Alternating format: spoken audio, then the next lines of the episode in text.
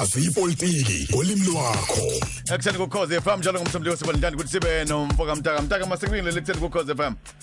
Siyabingelela sotobo obendlovu enamandla kanye nawe lapho emsakazweni. Mfowethu namhlanje kuseni sizobheka ukuntuleka kwemisebenzi eh kuba sebenzi. Namhlanje eh into eningi ziba khona ukuthi wona abasebenzi badinga imisebenzi nabayitholi la eMzantsi Afrika. Eh kwenzakalani mfowethu mtaka? Mhlambe sotobo asisho ukuthi iningizimu Afrika ibhekene nengwadla ehlukene igaba ezimbili. ingwadla yokuqala ile njoba sibuka kuneziteleka ezweni lakithi abesebenzi benganelisekilwe ngamaholo abanawo. Bese kuthi ke ingwadla yesibili kube ukuthi amathuba emisebenzi kawekho baningi abantu eh abangasebenzi eningizimu Afrika. Banda nsuku banda nsuku zaphuma. Eh into ke engicabanga ukuthi kufuneke siyibheke ukuthi izathu zalokhu mhlawumbe yini. Okokuqala abasebenzi alikho iphutha ekutheni bateleke. Umthetho ukuthi bateleke kanjalo nabaqashi akukho kuhle abakwenzile. Bathe la sonke sithi isimo sibi bona basebeqala ke bebandisa amaholo abo. Kwayibona abahola kakhulu kodwa abantu abenza umsebenzi anganyuka amaholo abo. Isibonelo nje sodoba into ebuhlungu eh indoda nje esebenza kwa Toyota lapha esiphimo noma indoda esebenza eh lapha ePort Elizabeth kwa VW eyakha le moto esihamba ngayo mina nawe eh iyozifa ingakazi ishayele le moto. So? Ngoba imali eholayo ayikwazi ngisho ukuthenga ibhayisekile. Umbuzo uthi ke yini engafuneka ijatshule lo msebenzi wakwa Toyota? Uma ngabe uToyota umholela imali angekwazi ukuthenga imoto ayakhayo ngakolunye uhlangothi sotobo sinenkinga yokungasebenzi imisebenzi kayikho. Eh ngike ngizwe lapha eh kade ngibuka nje omunye umnyango uyishaya isifuba sotobo uthi eh ubunento okuthiwa imbizo lokho kuthiwa zimbizo la uhulumeni uhambela abantu khona. So yeah. Base bethi bajabule kabi ukuthi kuthe nje kushaya ihora leshumi ekuseni. Umcimbi uqale ngehora eh leshaga lolunye eh iwo itende lonke bese linabantu abawu 10000 mm. into enhle kulomuntu beyikhuluma njenganakile kodwa umbuzo wami kuyena uthe akaboni yini ukuthi kusenkingeni ukuthi amadoda amadala noma abadala nodadewethu nabafowethu ufuna ngaba semsebenzini sure. Abayinkulungwane eziyishumi basetendeni ngo10 ekuseni. Mm. okuchaza ukuthi isimo sibi. Abanye baya kule mcimbi sotobo hayi ngoba beyolalela yebo bakhona bayayo kodwa abanye basuke beya kuyocosha nje isidlo sasekuseni. Abanye bacosha isidlo sokugcina salolo suku nezingane zabo. Lokho kuchaza ukuthi siningi kuningi ungahleleki kahle emphakathini yethu ngenxa yokungabibikho eh kwamathuba emisebenzi. Lokho kwenza uhulumeni abesenkingeni kufuneka ancelisa amabe amamawele. Iwele lokuqala ileli labasebenzi abadinga inkokhelo elingene namandla abo. Iwele lesibili ilaba abangasebenzi. Umbuzo ukuthi uhulumeni uzokwenza njani?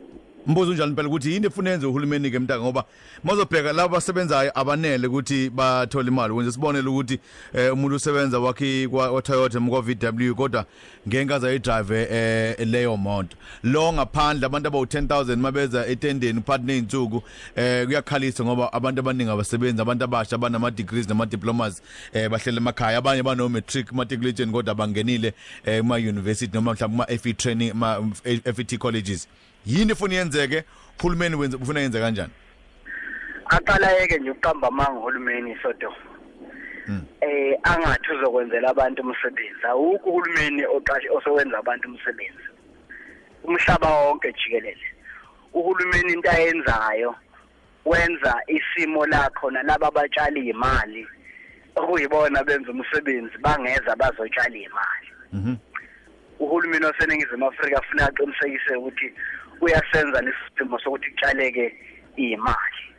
Eh bese ke eqinisa kakhulu odabeni lwamakhono ngoba sotobo inkinga isekuthenini ezinye zeyingqinamba esibhekene nazo akuzona ezalo hulumeni khona ingqinamba esisuka kuzona kohulumeni abangaphambili bobandlululo.